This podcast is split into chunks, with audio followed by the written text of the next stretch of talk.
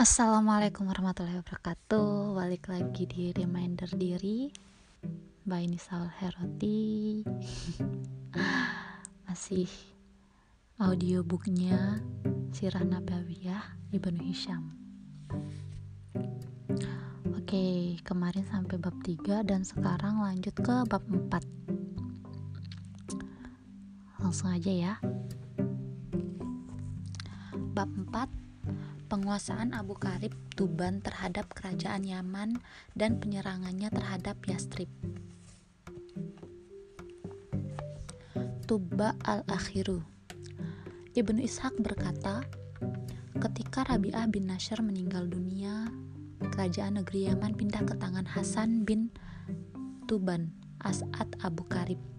Tuban As'ad adalah Tuba al-Akhiru bin Kuli Karib bin Zaid Zaid adalah Tuba al-Awwal bin Amr Zu al-Azhar bin Abrahah Zu al-Manar bin Aris Ibn Hisham berkata, ada yang mengatakan Ar-Rois bin Adi bin Safi'i bin Saba al-Ashgar bin Ka'ab bin Kahfi al-Zulmi bin Zaid bin Sahal bin Amr bin Kais bin Muawiyah bin Jashim bin Abdu Syam bin Wa'il bin Al-Gauts bin Kutan bin Arif bin Zahir bin Aiman bin Hamaisa bin Al-Aranjaj. Yang tidak lain adalah Himyar bin Sabah Al-Akbar bin Ya'rub bin Yasjub bin Kohtan Ibn Hisham berkata, Yasjub adalah anak Ya'rub bin Kohtan. Ibnu Ishaq berkata, Tuban As'ad Abu Karib datang ke Madinah, kemudian membawa dua rahib Yahudi Madinah ke Yaman, memakmurkan Masjidil Haram dan menutupinya. Raja Yaman sebelumnya adalah Rabi'ah bin Nashr. Ibn Hisam berkata, Tuban As'ad Abu Karib inilah yang pernah dikatakan dalam salah satu syair. Duhai Seandainya aku mendapatkan keberuntungan seperti Abu Karib, kebaikannya menutupi kebodohannya. Hasan melewati Madinah. Ibnu Ishaq berkata, dari timur, Hasan mengarahkan perjalanannya ke Madinah. Sebelumnya, ia pernah melewati Madinah tanpa membunuh penduduknya. Ia tinggalkan anaknya sebagai pemimpin mereka, namun anaknya dibunuh penduduk Madinah dengan zalim. Kemudian Hasan datang ke Madinah untuk mengusir penduduknya, memberangus penduduknya, dan menebang pohon kurmanya. Untuk menghadapinya, Al-Ansor bersatu di bawah pimpinan mereka Amr bin Tallah, saudara Bani An-Najjar dan salah seorang dari bin dan salah seorang dari Bani Amr bin Mabzul. Nama lengkap Mabzul adalah Amir bin Malik bin An-Najjar. Nama lengkap An-Najjar adalah Taimullah bin Sa'labah bin Amr bin Al-Khazraj bin Harithah bin Sa'labah bin Amr bin Amir. Ibnu Hisham berkata, Amr bin Tolah adalah Amr bin Muawiyah bin Amr bin Amir bin Malik bin An-Najjar. Tolah adalah ibu Amr bin Amir adalah putri Amir bin Zuraik bin Amir bin Zuraik bin Abdul Harithah bin Malik bin Gozeb bin Jusham bin Al-Khazraj antara Tuba dengan penduduk Madinah Ibnu Hisham berkata Salah seorang dari Bani Adi bin An-Najjar yang bernama Ahmar berbuat jahat terhadap salah seorang sahabat Tuba. Sahabat Tuba tersebut datang ke Madinah kemudian dibunuh oleh Ahmar. Penyebabnya, Ahmar melihat sahabat Tuba tersebut berada di tandan kurma dan sedang memotongnya. Kemudian, Ahmar membacoknya dengan sabik dan tewas seketika. Ahmar berkata, kurma itu menjadi milik orang yang menyerbukinya. Peristiwa pembunuhan terhadap sahabatnya membuat Hasan semakin geram kepada penduduk Madinah. Ia berkata, "Bunuh mereka semua." Orang-orang Ansor berpendapat bahwa mereka berperang melawan Tuba pada siang hari saja, dan pada malam harinya mereka menjamunya sebagai tamu. Karena sikap mereka seperti itu, Tuba kagum kepada mereka. Ia berkata, "Demi Allah, sesungguhnya kaum kami pastilah orang-orang mulia." Ketika Tuba sedang memerangi penduduk Madinah, tiba-tiba dua orang rahib dari rahib-rahib Yahudi Bani Quraizah datang kepadanya. Quraizah, An-Nazir, An-Najam, Amr, yang tiada lain Hadal adalah anak-anak Al-Khazraj bin As-Sarih bin At-Tawaman bin Asad bin Al-Yasa bin Sa'ad bin Lawai bin Khair bin An-Najam bin Tanum bin Azir bin Azro bin Harwan bin Imran bin Yansur bin Kahits bin Lawai bin Yakub yang tiada lain adalah Israel bin Ishak bin Ibrahim Khalilur Rahman. Kedua rohib Yahudi tersebut orang alim dan ilmunya mendalam. Keduanya datang kepada Tuba karena mendengar rencana Tuba untuk membumi hanguskan Madinah dan memberangus penduduknya. Keduanya berkata kepada Tuba, "Wahai raja, jangan teruskan rencanamu itu. Jika engkau tetap memaksa diri melakukannya, maka hubunganmu dengan Madinah terputus, dan kami khawatir engkau mendapatkan hukuman dalam waktu dekat." Tuba berkata kepada kedua rahib Yahudi tersebut, "Kenapa begitu?" Kedua rahib Yahudi berkata, "Karena Madinah kelak menjadi tempat hijrahnya seorang nabi yang muncul dari tanah suci Mekah dari kala, dari kalangan Quraisy pada akhir zaman." Kelak Madinah menjadi negeri nabi tersebut dan tempat menetapnya dan tempat menetapnya. Mendengar penjelasan kedua rahib Yahudi tersebut, Tuba membatalkan rencananya. Ia melihat bahwa kedua rahib Yahudi tersebut benar-benar orang berilmu dan ia pun tertarik terhadap perkataan keduanya kepadanya. Kemudian ia meninggalkan Madinah dan beralih memeluk agama kedua rahib Yahudi tersebut. Khalid bin Abdul Uzza bin Ghaziyah bin Amr bin Abdul Ab, bin Auf bin Gon bin, bin Gonem bin Malik bin An-Najjar berkata membangga-banggakan Amr bin Tollah.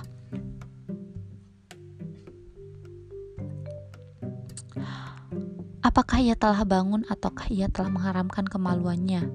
Ataukah ia telah menunaikan kebutuhan biologisnya? Ataukah engkau ingat masa muda? Tidak ada nostalgiamu tentang masa muda dan zaman itu melainkan tentang perang yang terhadap perang seperti itu seorang pemuda menjadi ibrah. Tanyakan kepada Imar tanyakan kepada Imran dan Asad ketika perang terjadi menjelang subuh. Pada perang tersebut, Abu Karib mengenakan baju besi panjang. Kemudian orang-orang berkata, "Siapakah yang kita jadikan target sasaran dalam perang ini?" Apakah Bani Auf ataukah Bani An-Najjar? Yang menjadi target sasaran kita adalah Bani An-Najjar karena orang-orang kami dibunuh mereka dan kami harus membalas dendam terhadap mereka. Kemudian mereka berperang dengan menghunus pedang masing-masing. Gerakan pedang-pedang tersebut seperti awan yang mendatangkan air hujan. Di antara mereka terdapat Amr bin Tolah. Semoga Tuhan memanjangkan umurnya untuk kaumnya. Ia pemimpin yang mengungguli semua pemimpin. Barang siapa takut pada umum pada umurnya, ia tidak sampai pada tujuannya. Orang-orang Ansor berkeyakinan bahwa Tuba geram kepada orang-orang Yahudi yang ada di tengah-tengah mereka. Ketika Tuba datang untuk membunuh orang-orang Yahudi tersebut, Al-Ansor orang-orang Al-Ansor melindungi orang-orang Yahudi dari serangan Tuba hingga Tuba meninggalkan mereka. Oleh karena itu, Tuba berkata dalam syairnya, Aku sungguh geram kepada dua suku Yahudi yang ada di Yastrib. Mereka pantas mendapatkan hukuman pada hari yang naas. Ibnu Hisham berkata, syair di atas sengaja dibuat-buat, oleh karena itu kami sengaja melarang mengakuinya.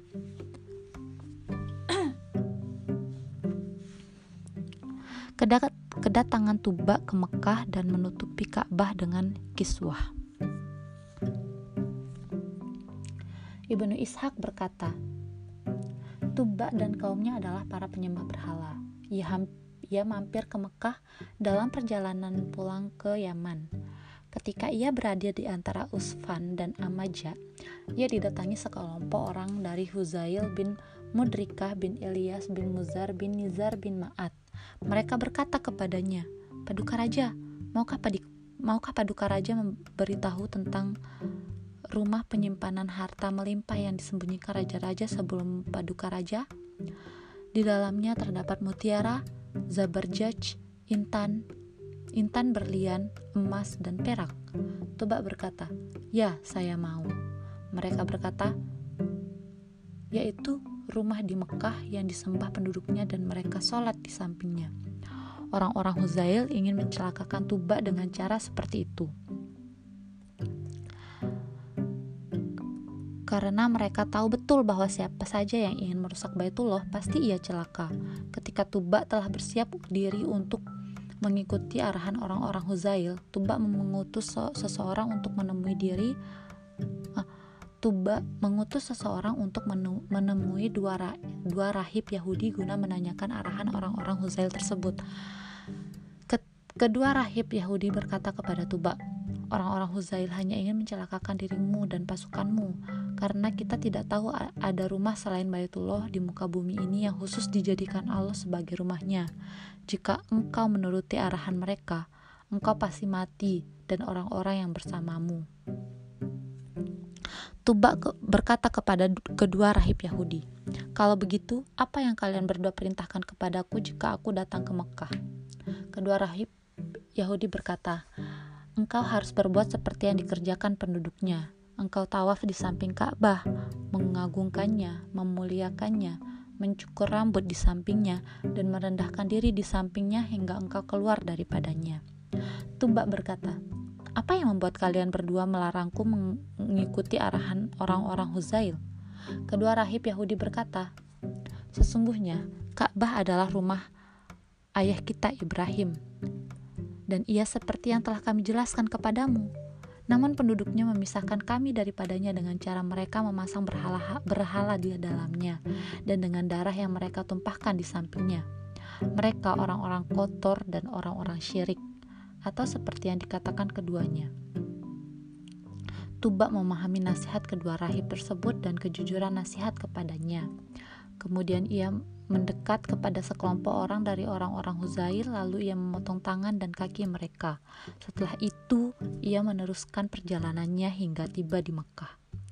Tiba di Mekah, ia tawaf di sekeliling Ka'bah, menyembelih hewan kurban di sebelahnya, mencukur rambutnya, dan berada di sana selama enam hari.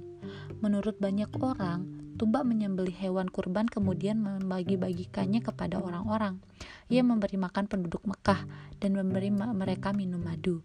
Tumbak bermimpi dalam tidurnya mendapatkan perintah untuk menutup Ka'bah. Kemudian ia menutupinya dengan kain kasar. Ia bermimpi lagi agar ia menutupi Ka'bah dengan kain yang lebih bagus. Kemudian ia menutupinya dengan kain ma'afir, jenis kain nyaman. Ia bermimpi lagi agar ia menutupinya dengan kain yang lebih bagus. Kemudian ia menutupinya dengan kain mahal ketika itu yaitu al-mala'a dan al-wasyail menurut orang-orang ketika itu.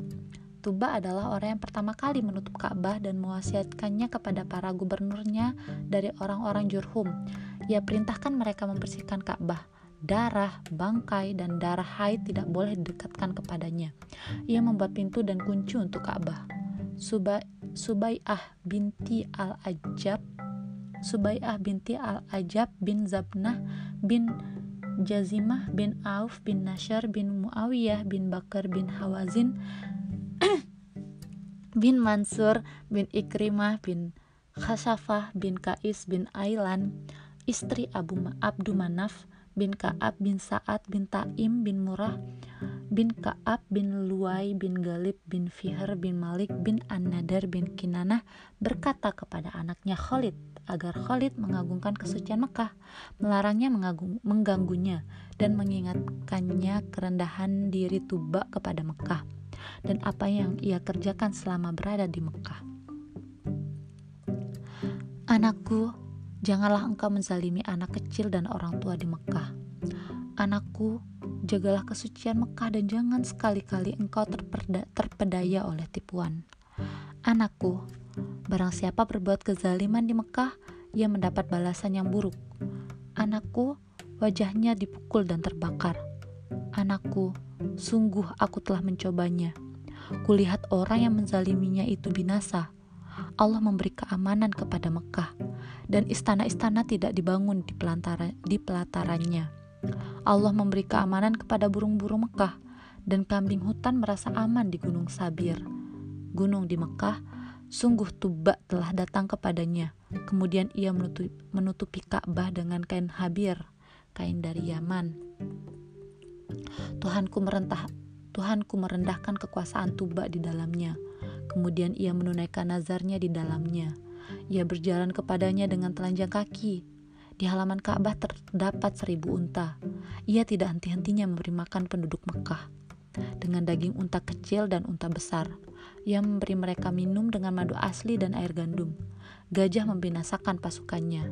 Mereka melemparinya dengan batu-batu. Dengarkan jika engkau diajak bicara, dan pahamilah akhir kesudahan segala sesuatu. Tuba mengajak rakyat Yaman kepada agamanya. Setelah itu, Tuba pulang ke Yaman bersama pasukannya dan dua rahib Yahudi. Tiba di Yaman, ia mengajak penduduk Yaman masuk kepada agamanya, namun mereka menolak ajakan Tuba. Mereka menyerahkan persoalan Tuba kepada api di Yaman. Rakyat Yaman menyerahkan ke persoalan Tuba kepada api.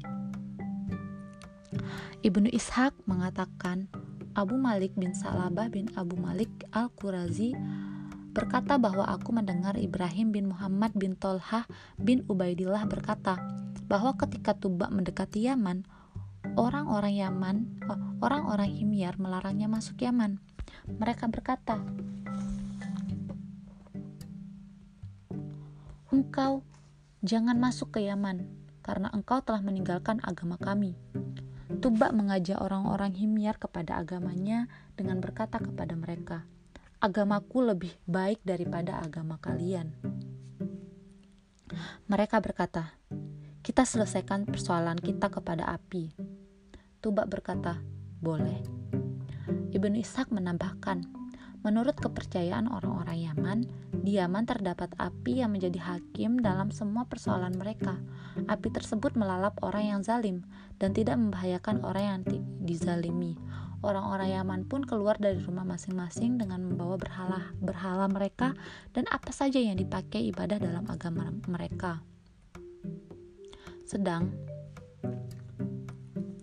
sedang dua rahib Yahudi membawa dua mushaf yang tergantung di leher keduanya. Mereka di tempat mereka duduk di tempat keluarnya api. Kemudian api keluar kepada mereka. Ketika api keluar kepada mereka, mereka menghindar daripadanya dan meniupnya.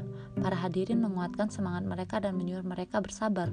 Mereka bersabar hingga api mengelilingi mereka, kemudian memakan berhala-berhala mereka dan apa saja yang mereka pakai untuk beribadah, serta apa saja yang dibawa orang-orang Himyar.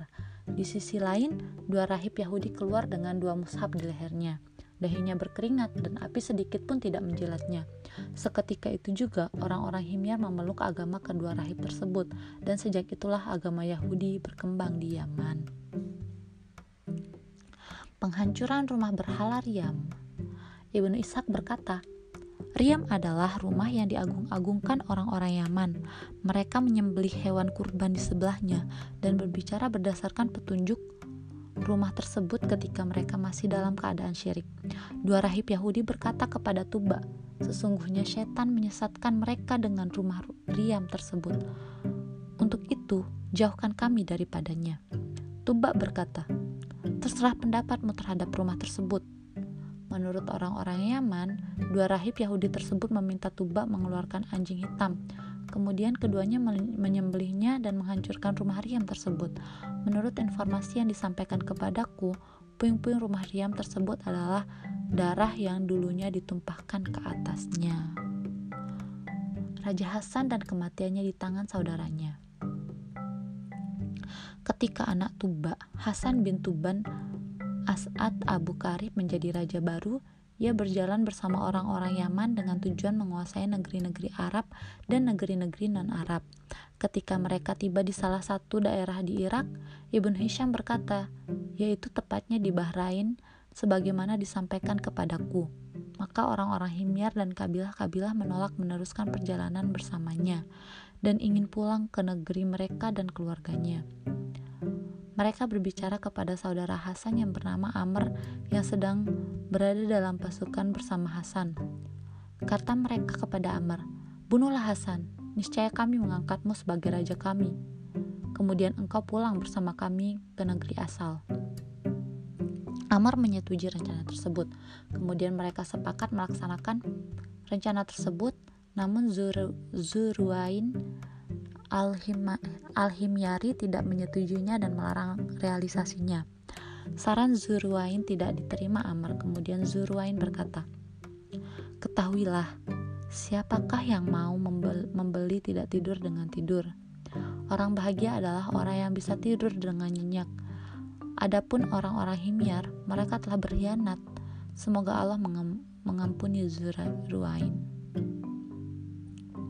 Zurwain menulis bait syair di atas di secari kertas kemudian mengirimkannya kepada Amr.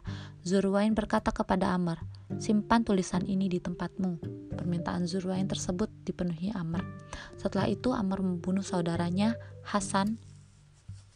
Kemudian pulang ke Yaman bersama anak buahnya. Salah seorang salah seorang dan Himyar berkata kepada Amr, Allah mempunyai mata terhadap orang.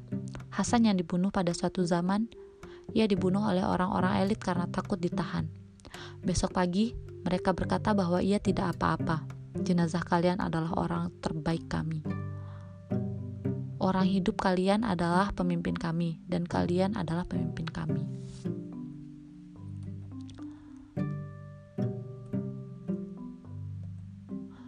kematian Amr dan perpecahan di tubuh orang-orang Himyar. Ibnu Ishaq berkata, ketika Amr bin Tuban As'ad tiba di Yaman, ia tidak bisa tidur sekejap pun dan selalu dalam keadaan terjaga karena ia merasa tersiksa karena tidak bisa tidur. Ia minta dipanggilkan tim dokter dan pakar dukun untuk mengobati penyakitnya tersebut. Salah seorang dari mereka berkata kepadanya, Demi Allah, tidak ada orang yang membunuh saudaranya dengan atau dengan zalim seperti pembunuhanmu terhadap saudaramu, melainkan tidurnya hilang dan tidak bisa tidur diberikan kepadanya. Ketika perkataan tersebut disampaikan kepada Amr, ia bunuh semua orang Yaman yang menyuruhnya membunuh saudaranya Hasan. Kemudian ia pergi menemui Zurwain. Zurwain berkata kepadanya, Sesungguhnya aku pernah menitipkan sesuatu padamu. Amr berkata, Titipan apa itu? Zurwain berkata, tulisan yang pernah aku berikan kepadamu. Amar mengeluarkannya dan ternyata di dalamnya terdapat bait syair di atas. Zurwain meninggalkan Amr dan Amr sadar bahwa dulu Zurwain pernah memberi nasihat kepadanya. Tidak lama kemudian Amr meninggal dunia dan sepeninggalnya kendali orang-orang Himyar terlepas dan mereka terpecah belah.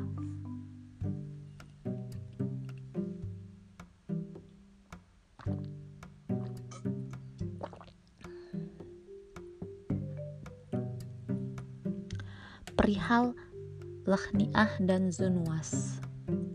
Kemudian salah seorang dari orang-orang Himyar yang tidak berasal dari keluarga istana yang bernama Lakhniah Yanova Zu saya saya Shanatir membunuh tokoh-tokoh Himyar dan menodai kehormatan keluarga istana.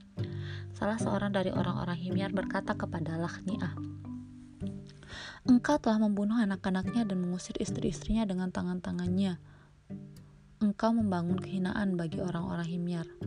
Engkau bumi hanguskan dunianya dengan kecerobohan para pemikir, namun kerusakan pada agama itu jauh lebih banyak.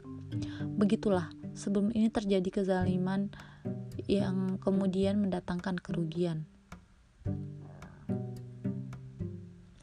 Lahniah orang bejat yang gemar melakukan hubungan homoseksual kepada kaum Nabi Lut. Ia sering kali mendatangi remaja-remaja istana, kemudian melakukan hubungan homoseksual dengan mereka di ruang tamu khusus, agar remaja-remaja istana tersebut tidak bisa diangkat menjadi raja sesudah itu. Dari atas ruang khusus tersebut, ia melihat ke arah para penjaganya dan tentara-tentaranya sambil meletakkan gosok gigi di mulutnya sebagai isyarat untuk mereka bahwa ia telah melakukan hubungan homoseksual.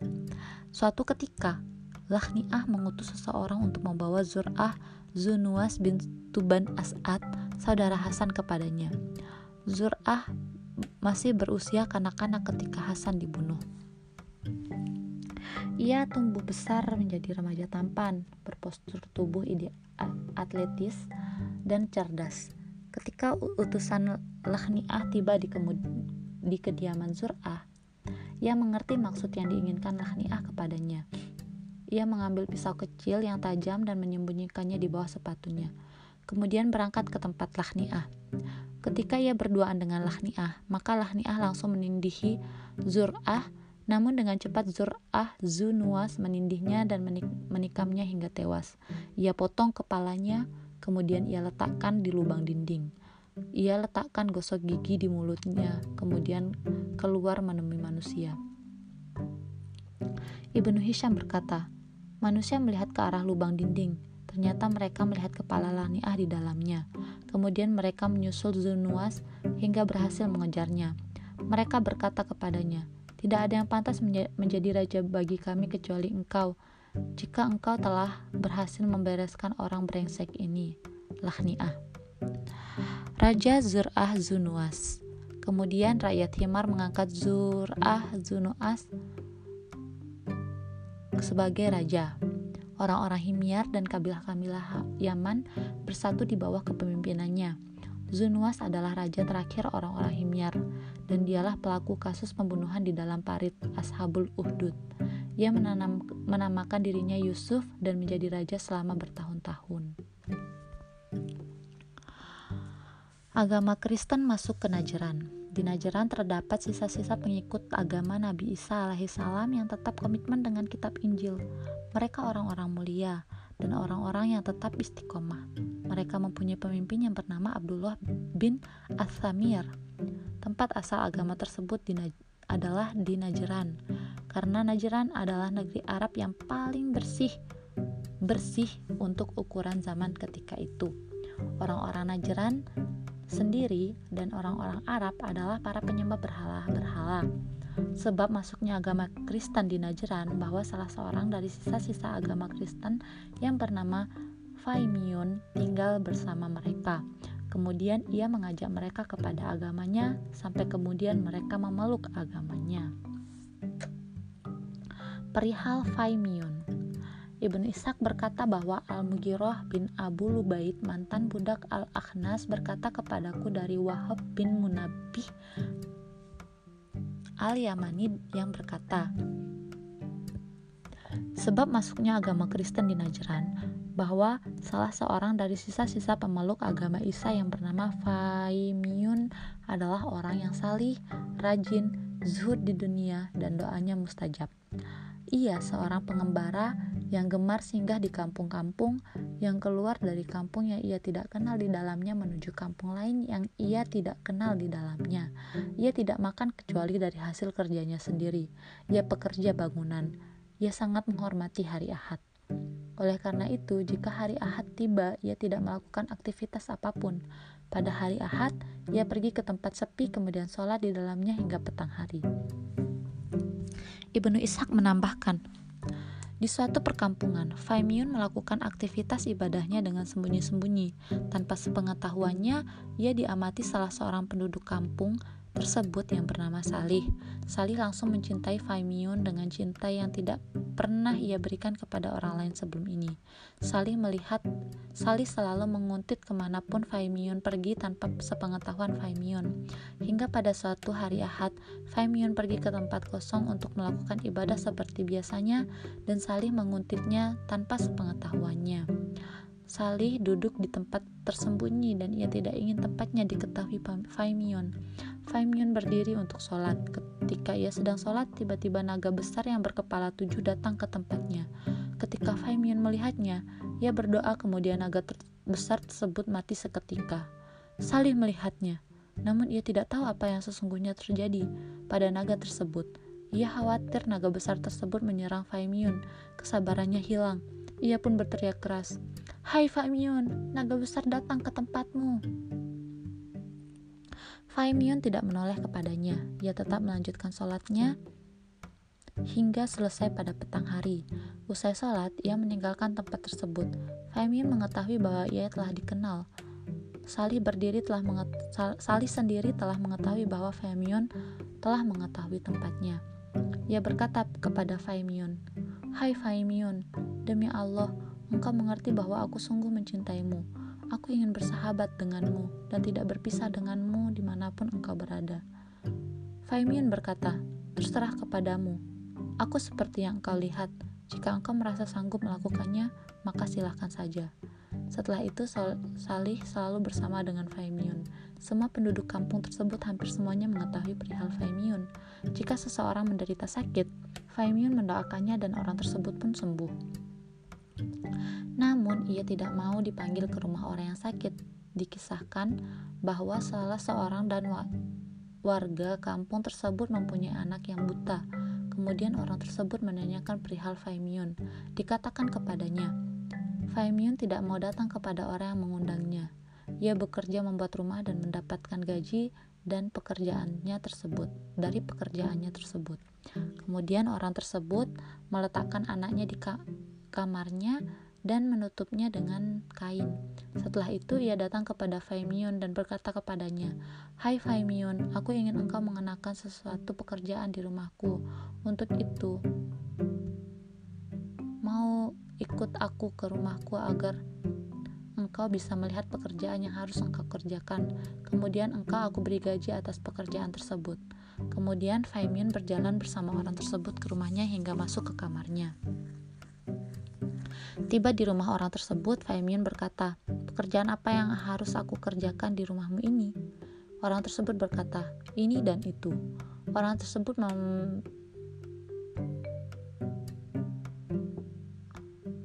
menutupi, menutupi kain dari anaknya lalu berkata, Hai Faimion, anakku adalah salah satu dari hamba-hamba Allah yang menderita penyakit seperti engkau.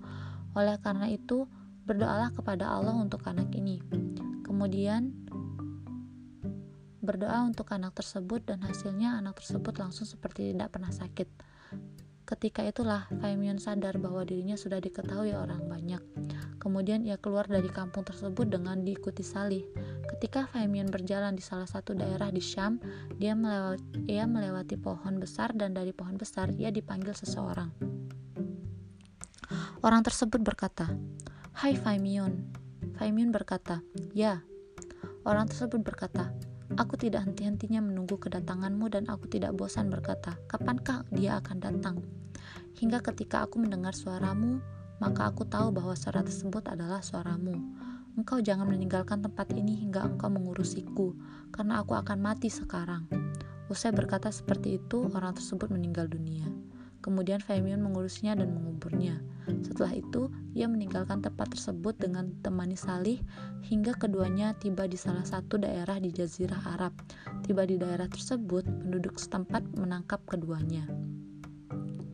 Kemudian keduanya diambil rombongan musafir dari penduduk setempat. Rombongan musafir tersebut meneruskan perjalanannya dengan membawa keduanya kemudian mereka menjual keduanya di Najran penduduk Najran ketika itu memeluk agama orang-orang Arab.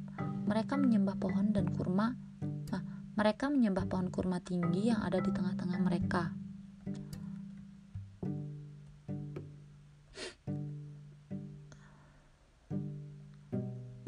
Kurma tersebut mempunyai hari raya dalam setiap tahun.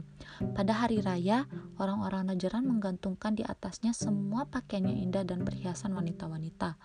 Mereka datang ke pohon kurma tersebut dan menetap di sana hingga beberapa hari. Faimion dibeli salah seorang tokoh mereka, dan Salih dibeli orang lainnya.